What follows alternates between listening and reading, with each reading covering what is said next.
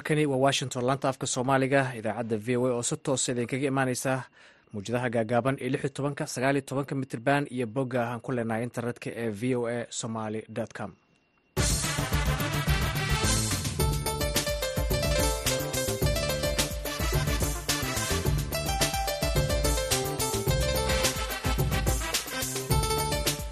Subax wanaagsan dhegeystayaal waa aroornimo isniina bisha februaayo ee sanadka labada idaacadda saakiya caalamka waxaa idinla socodsiinaya anigoo ah maxamed colaad xasan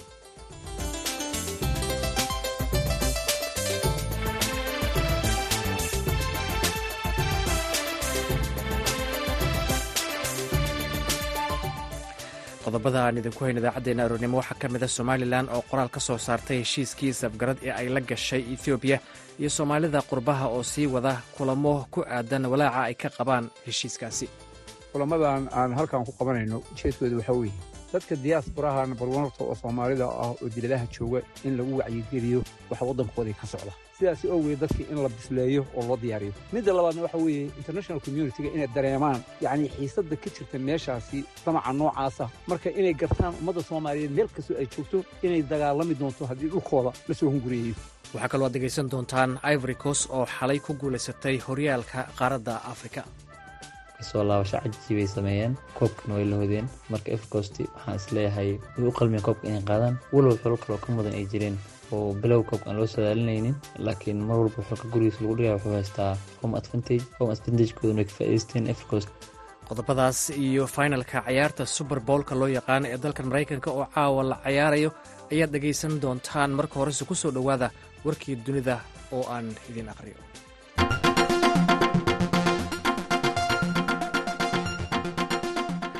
xalay magaalada abijan ee dalka ivory coast ee galbeedka africa waxaa lagu soo gebagabeeyey tartankii kubadda cagta ee dalalka qaaradda afrika.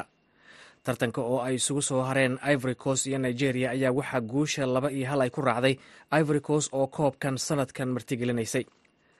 Waa markii saddexaad oo ivory coast koobkan afrika ku guulaysato ciyaaryahanka reer ivory coast haller oo saddex toban bilood ka hor dheliyey saddex ley isaga oo ka soo bogsaday xanuunka kansarka oo ku dhacay ayaa goolka ku leexiyey kubad uu simon adingra ka keenay dhinaca bidix iyadoo sagaal daqiiqadoodna ay ka harsan tahay wakhtiga dhammaadka ciyaarta.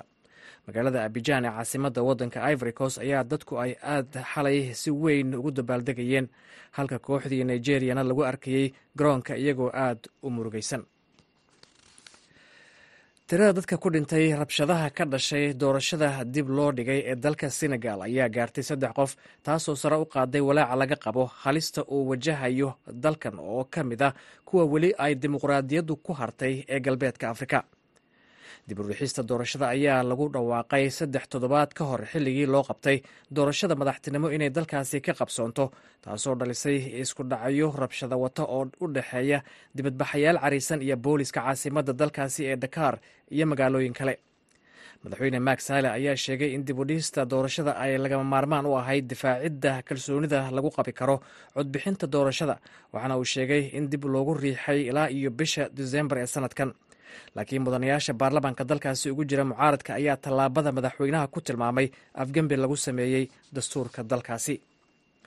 Ra'iisul wasaaraha israel benjamin netanyahuna waxa uu ballan qaaday in marin ay ku baxayaan ama ay ku baxsadaan rafax uu siinayo tobanaan kun oo falastiiniyiina hadalka ayaa ku soo aadaya iyadoo israel ay qorsheynayso inay dagaal lugta ah ku gasho magaaladan oo ku taala dhinaca koonfureed ee khaza ra'iisul wasaaraha israel ayaa sheegay in ciidamadiisa uu amar ku siinayo inay weerar ku qaadaan sida uu sheegay. Afar guuto oo ciidamada xamaas oo ku sugan rafax isagoo sheegay in guul ay israa'il ka gaarto xamaas aysan suurtagal ahayn iyadoo sida uu hadalka u dhigay xamaas aan laga saarin. Magaaladan ku taalla xuduudda ay khaza la wadaagto masar macadda halka falastiiniyiinta haatan ku sugan rafax oo lagu qiyaaso kalabar dadka ku nool khaza ay aadayaan. Qaar ka mid ah madaxda dunida ayaa walaac ka muujinaya weeraro ay diyaaradaha dagaalka israel ku qaadaan rafax iyo hanjabaadda ay ku hanjabayaan ciidamada israel inay weerar dhulka ah ku galayaan magaaladaasi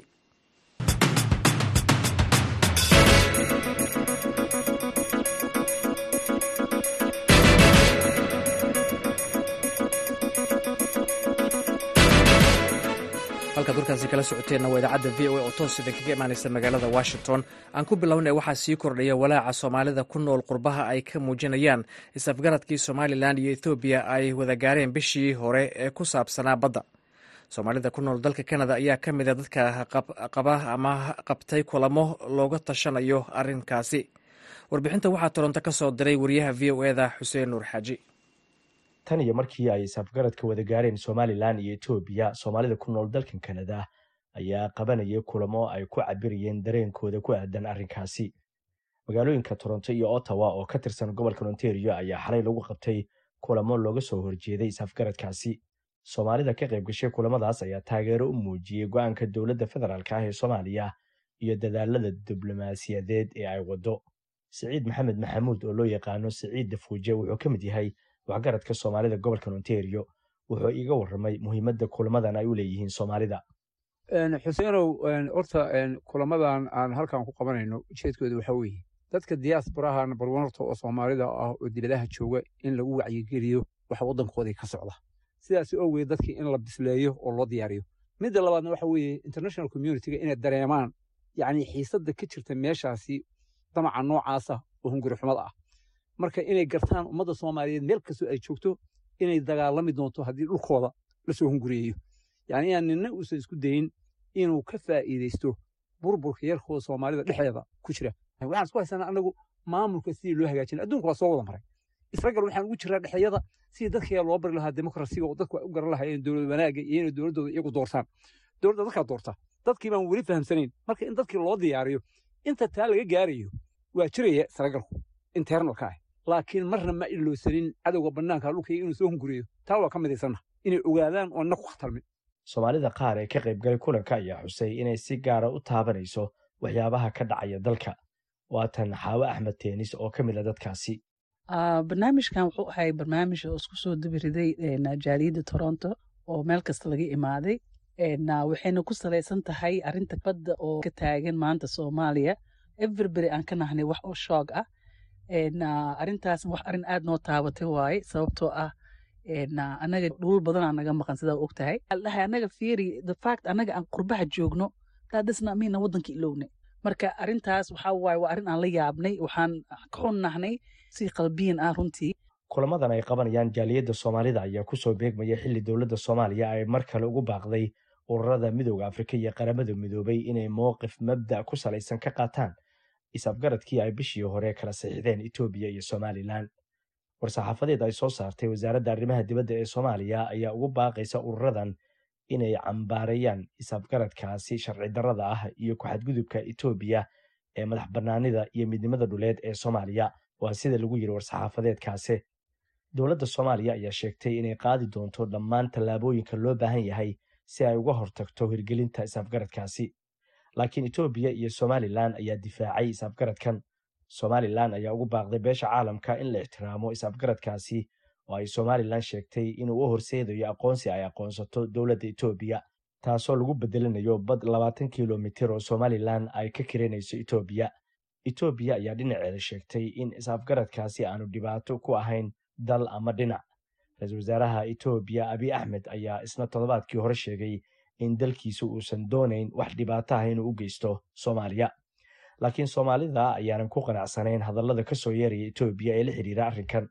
Kasokow kulamada ay qabanayaan soomaalida sidoo kale waxaa socda dibadbaxyo ay qabanqaabinayaan soomaalida ku nool dalkan kanada oo ay uga soo horjeedaan is-afgaradkaasi. Xuseen nuur xaaji v o a toronto. Dhinaca kale qoraal xalay ka soo baxay wasaaradda arrimaha dibadda ee somalilan ayaa lagu naqdiyey jawaabihii ay dowladda federaalk soomaaliya dhowaanahan ka bixinaysay heshiiska is-afgaradka ee ethoobiya iyo somalilan somalilan ayaa qoraalka ku sheegtay in xudunta heshiiskaasi is-afgarad ay ahayd iskaashi ay ethoobiya iyo somalilan ka yeeshaan danaha ay wadaagaan sida ammaanka ganacsiga iyo horumarinta kaabayaasha dhaqaalaha. Qoraalka wasaaradda arrimaha dibadda ee somalilan xalay ka soo baxay ayaa lagu yidhi heshiiska waxa uu ahaa go'aan madax bannaan oo ay laba dowladood oo madax bannaan qaateen oo aanu ansixin iyo oggolaanshiyo cid saddexaad uga baahnayn. Waxaa lagu yidhi qoraalka is-afgaradka ethoobiya iyo somalilan waa mid ku qotoma is-ixtiraam labada dhinac ka dhexeeya iyo himilooyin ay u wada higsanayaan deganaanshiyaha gobolka. War-saxaafadeedka somalilan ayaa lagu yidhi diidmada ay dowladda soomaaliya keligeed diidda heshiiskan. Waa mid si cad u jebinaya shuruucda caalamiga ah islamarkaana lagu dafirayo rabitaanka gooni isutaag ee shacabka somalilan qoraalka ayaa ugu baaqay dowladda soomaaliya inay ixtiraamto rabitaanka sida lagu sheegay qoraalka malaayiin qof oo reer somalilan ah. Waxaa lagu sheegay qoraalka in madaxda ay somalilan dooratay ay awood buuxda u leeyihiin inay heshiisyo galaan kuwa oo ansixintooduna ay leeyihiin golaha wakiilada ee ay reer somalilan doorteen. Qoraalka waxaa lagu beeniyey in somalilan ay saxiixday dukumentiyo ay sheegtay in dowladda federaalk ee soomaaliya ay tix raacaysay mar kasta oo ay arrintan war-saxaafadeed ka soo saarayso. Qoraalka somalilan ayaa ugu dambeyn lagu yidhi somalilan waxay xaqiijinaysaa inay ka go'an tahay inay si nabdoon ku raadiso aqoonsi caalami ah islamarkaana ay garowsan tahay in iskaashi iyo wadahadal ay muhiim u yihiin gaarista nabad iyo xasilooni waarta oo lagu soo dabaalo geeska afrika. Inkastoo somalilan ay sheegatay inay ka madax bannaan tahay soomaaliya haddana ilaa iyo hadda ma haysato aqoonsi caalami ah. Dowladda federaalk ee soomaaliyana waxay u aragtaa qayb ka mid a soomaaliya.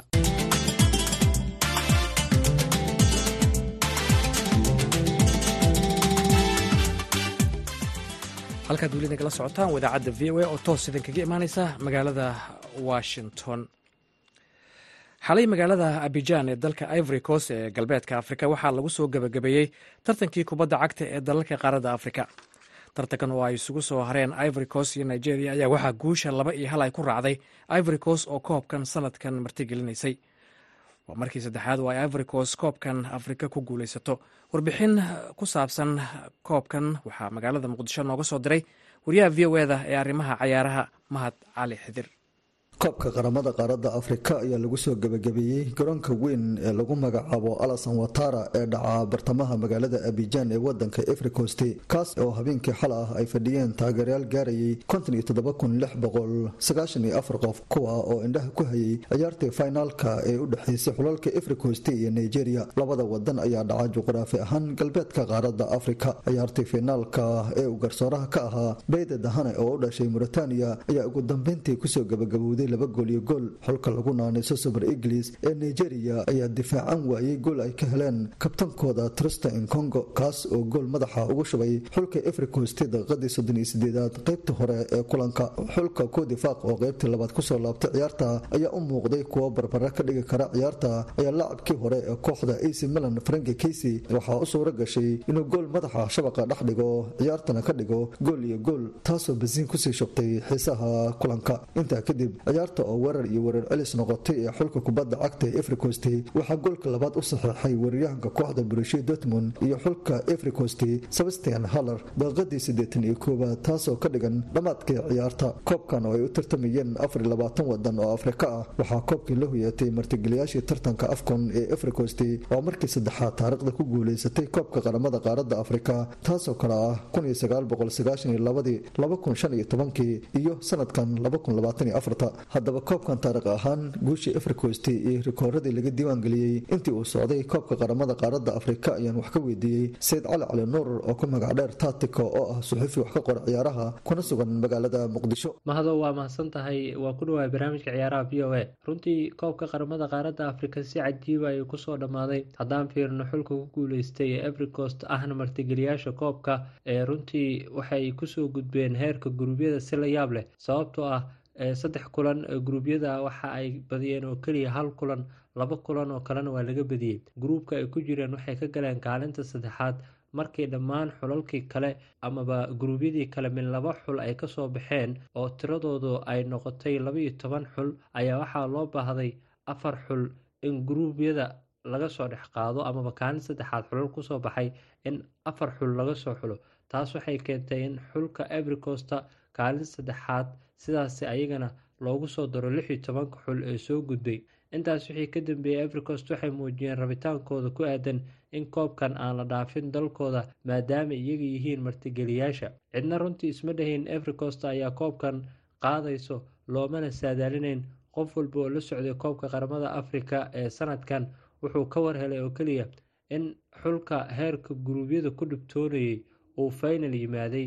Sidaasna koobkii uu ku qaaday waxyaabaha laga diiwaangeliyey koobkan ee qaramada qaaradda afrika aad ay u badan yihiin laakiin haddaa soo koobo waxaa ka sheegi karaa in goolayaha xulka kaalinta saddexaad ka galay koobkan ee south africa uu sameeyey taariikh cajiib oo ah in hal kulan oo afar rigoole badbaadiyey amaba uu qabtay. Haddaba xulka efricost ma u qalmin inay qaadaan koobka mise nasiibka ayaa garbaha qabtay. Waxaa ka jawaabaya axmed salaad dhiblaawe xogayaha kooxda muqdisho city club ee horyaalka heerka koowaad ee soomaaliya. Waa mahadsan tahay gentleman walahi horta ciyaartii habeenkii xalay ahaa. Udhexeysay efricost iyo nigeria waxay ciyaar aad u xiiso badan.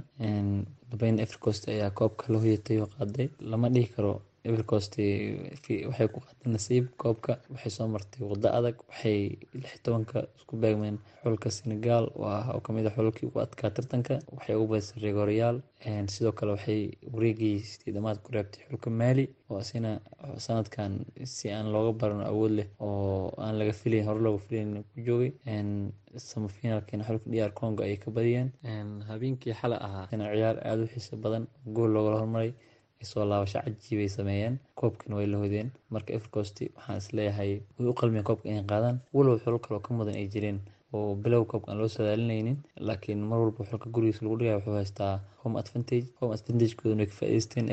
haddii aynu soo koobno abaalmarinadii la bixiyey koobka qaramada qaaradda afrika waxaa ka mid ahaa xilka kubadda cagta ee koonfur afrika ayaa la guddoonsiiyey abaalmarinta kooxda ciyaar wanaagga ee koobka qaramada qaaradda afrika. Macalinka xulka qaranka nigeria emristy ayaa loo doortay macalinka ugu wanaagsan tartanka african cup of nation emiliano nazu kabtankii xulka qaranka equatorial guinea ayaa ku guuleystay kabta dahabka ah isagoo ka dheliyey tartankan shan gol william e congo kabtankii xulka nigeria ayaa isna loo doortay ciyaaryahanka ugu fiican tartanka african cup of nation goolhayaha xulka koonfur africa rowan williams ayaa isna ku guuleystay goolhayaha ugu fiican tartanka koobka qaramada qaaradda afrika isagoo ciyaaray toddoba kulan shan ka midana shabaqiisa ilaashaday. Maxad cali xadir v o a muqdisho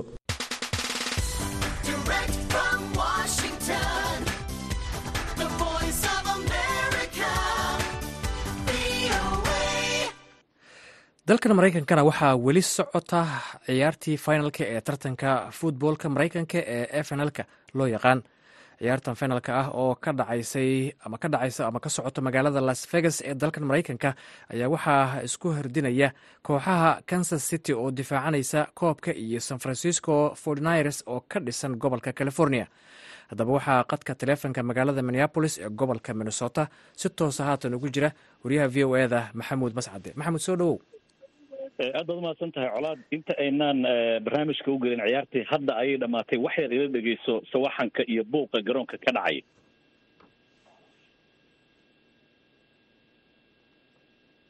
Wa waa gartay wa waa gartay. Sawaxankaas aada maqlayso waxaa hadda touchdowntii ugu dambeysay ee guusha tuuratay amaba dhalisay kooxda kansas city chiefs waxa ayna noqotay haatan kooxda ku guuleysatay koobka superboolka ee ciyaaraha n f l-ka ee waddanka maraykanka. Ilbiriqsiyo ka hor ayay ciyaartu soo gabagabowday. Damaashaad sacab qaylo iyo farxad ayaa haatan colaad si rasmi ah garoonka uga socota.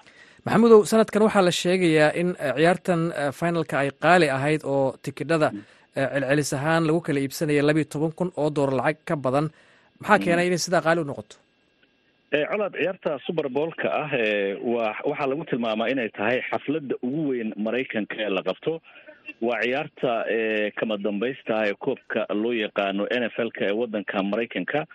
Ciyaartaas hadba magaalo ayaa martigelisa waana aad baa loogu tartamaa cidda martigelinaysa. Qarash aad u fara badan ayaa magaalada lagu qabanayo ay ka sameeyaan oo maqaayadaha dadka meelaha hoteelada la seexdo aad baa loogu xisaabtamaa. Taas ayaa marka waxay keenaysaa colaad in ay ciyaartaas tigadhadeedu ay qaali noqdaan. Mana ahan markan oo keliya mar kasta oo ciyaarta superboolka ee la ciyaarayo tigidhadu aad ayay qaali u yihiin.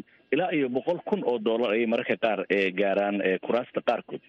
Laakiin haddaan ciyaarta u soo noqdo colaadow ciyaartan caawa la ciyaaro waxayd malaha tii ugu xiisaha badnayd ama ugu adkayd intii aan ciyaarahan daawanayay waktigii loogu talagalay labada kooxood waa ismari waayeen. Sagaal iyo toban dhibcood ayay ku dhamaatay.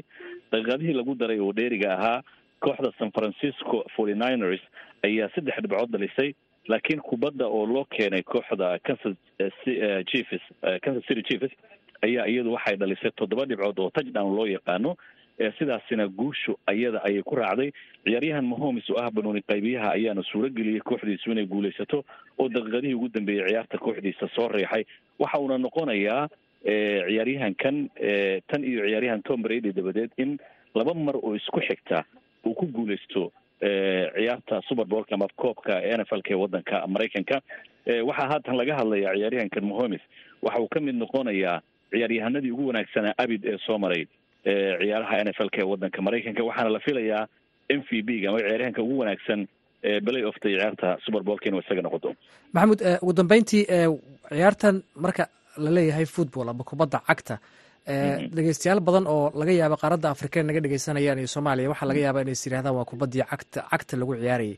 Marka waxyaabaha la yaab kale ee kubaddan maraykanka laga ciyaara ee gacanta lagu ciyaaraa loogu bixiyey kubadda cagta ayay ka mid tahay. Marka xiise intee la eg ayay ka leedahay waddankan marka la fiiriyo ciyaaraha kale laga ciyaaro aad iyo aad n f l ama ciyaartan loo yaqaano american football football keliya lama yihahdo kubadda cagta american baa la raacayaa taasaa ka duweysa ciyaarta kubadda cagta iyo qaabka loo ciyaaro intaba waa colaad waxaa la odhan karaa ciyaartan waa ciyaarta ugu xiisaha badan waddanka maraykanka laga ciyaaro waxayna maraykanku arkaan ciyaar iyaga u gooni ah oo iyagu ay leeyihiin inay tahay waxaana la tilmaamaa marka laga yimaado world cupka laga hadlayo ciyaar koox ama kala bay ciyaaraan marka waa waa waa ciyaarta loogu daawasho badan yahay marka la eego champions leaga oo la sheego inuu championsku kaalinta loo kaalinta koowaad ku jiro ciyaartiisa kama dambaysta ah maadaama caalamka o dhan laga daawanayo. Marka waxa ay ku jirtaa kaalinta labaad oo champions league ayaba ku xigtaa baa la leeyahay marka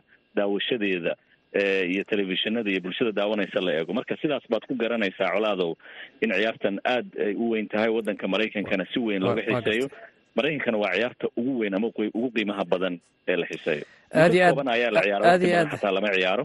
Sideed iyo toban kulan miya wax noocaas camal ah ayaa regular seasonkooda uu yahay ama lix iyo toban hadda namarkii rasmiga ama xasuusta. Marka wakti kooban baa la ciyaaraa xataa kulamada uma badna. waa mahadsan tahay. Maxamed waxaan arkay mar mar mar dhifa ayaa kubadda lug- lugta lagu dhuftaa oo eh, mar rigoore la tuuranayo. Aad iyo aad weliba eh, ingiriiska oo ciyaarta kubadda cagta sheegtay in iyagu ikhtiraaceen waxay yidhaahdaan eh, markay maraykanka forjeynayaan ciyaar kubadda cag ma ahee maad tidhaahdaan? Throwball ciyaarta la tuuro maad tidhahdaan gacanta laga tuuro. Aad iyo aad baa Malaha umahadsan tahay.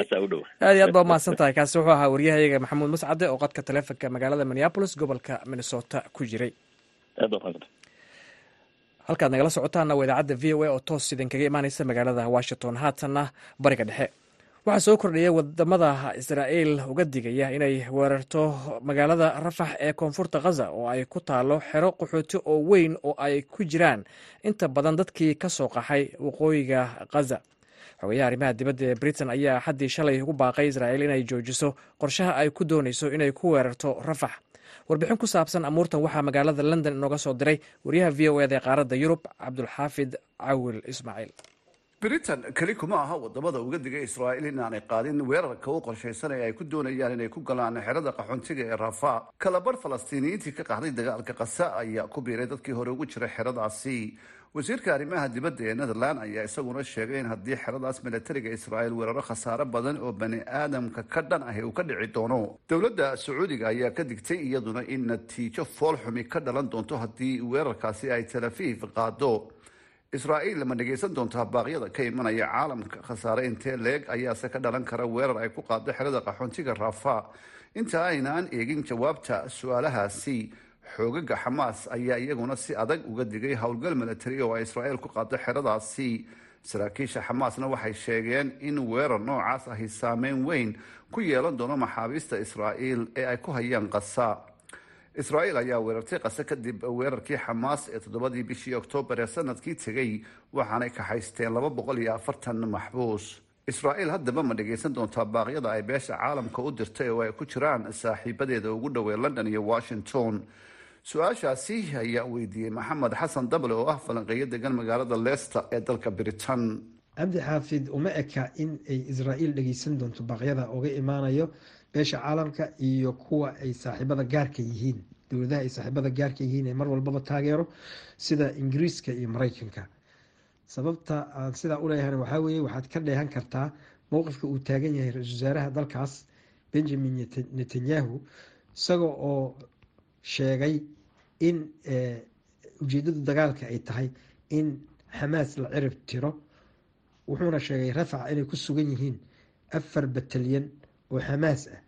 Sidaa daraadeed waa banaysi uu banaysanayo iyo marmarsiinyo uu macnaha ku marmarsiinyoonayo sidii uu ku weerari lahaa. Marka wuu baneystay cid uu wax ka yeelayona oo dambena ma ay jirto. Arinkan ah in ujeedada dagaalka uu yahay xamaas in la baabi'iyo way isku khilaafeen. Axsaabta ay ku bahaysan yihiin xukuumaddan. Qaarkood waxay qabaan in xamaas hal mar aan la baabi'in karin oo muddo dheer ay qaadanayso baabi'intooda oo dagaal muddo koobana ayna ku baabi'in. Laakiin isagu uu ka xag jirsan yahay waxaan ka wadaa netanyahu wuxuu qabaa in uu yahay ujeedadu in la baabi'iyo xamaas marka uu dagaalka joogsado. Marka uma eka nin mataqaanay dhegeysanayo baaqyadaasi. Waxay u eg tahay in uu rabo inuu gaaro ilaa iyo xuduudda masar axaddii shalay wasaaradda caafimaadka ee falastiin ayaa sheegtay in laba boqol iyo labayo toban qof oo kale oo falastiiniyiin ah ay ku dhinteen duqeymaha israa'iil. Tirada dhimashada guud ayaa iminka gaadhaysa siddeed iyo labaatan kun iyo boqol qof halka ay ku dhaawacmeen duqeymahaasi toddoba iyo lixdan kun iyo shan boqol oo qof. Saameyn intee leeg ayay yeelanaysaa haddii israa'iil weerarto xerada qaxootiga ee raafa waa kan mar kale maxamed xasan dable cabdi xaafid haddii ay israa'iil weerarto xeryaha qaxootiga ee rafac saameyntu aada bay u ballaaran doontaa. Saameyntu waxay noqon doontaa mid weliba ay ka dhalato xaalad bani aadanimo oo ba'an.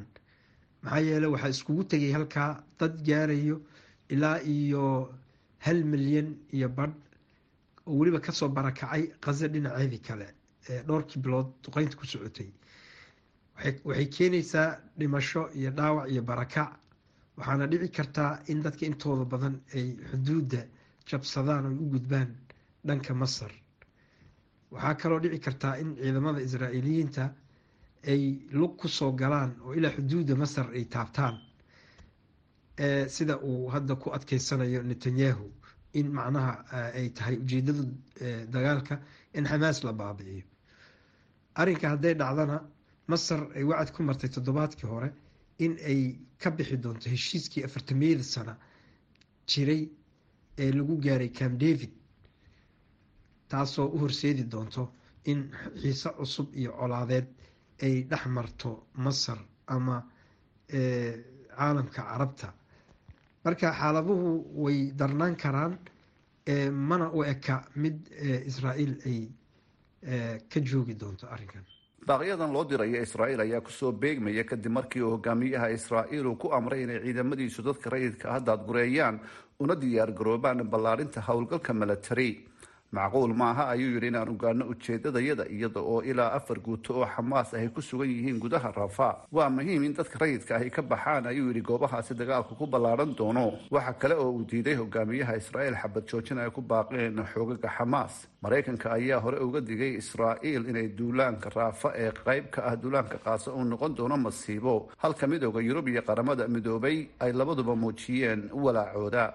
Cabdixaafid cawir ismaaciil v o a london haatana dhegeystayaal codkii baxsanaa fanaanka cawaale aadan iyo aamina afriig ayaan idinku dhaafaynaa idaacaddeenii aroornimo. Waxaa idinla socodsiinaya anigoo ah maxamed colad xasan saaxiibkay nuur xasan nuur nuur bukhaari ayaa dhinaca farsamada iga caawiyey inta ka harsan idaacaddeenna. Nagula raaxaysto codkaasi macaan ee cawaale iyo aamina afriig nabadgelyo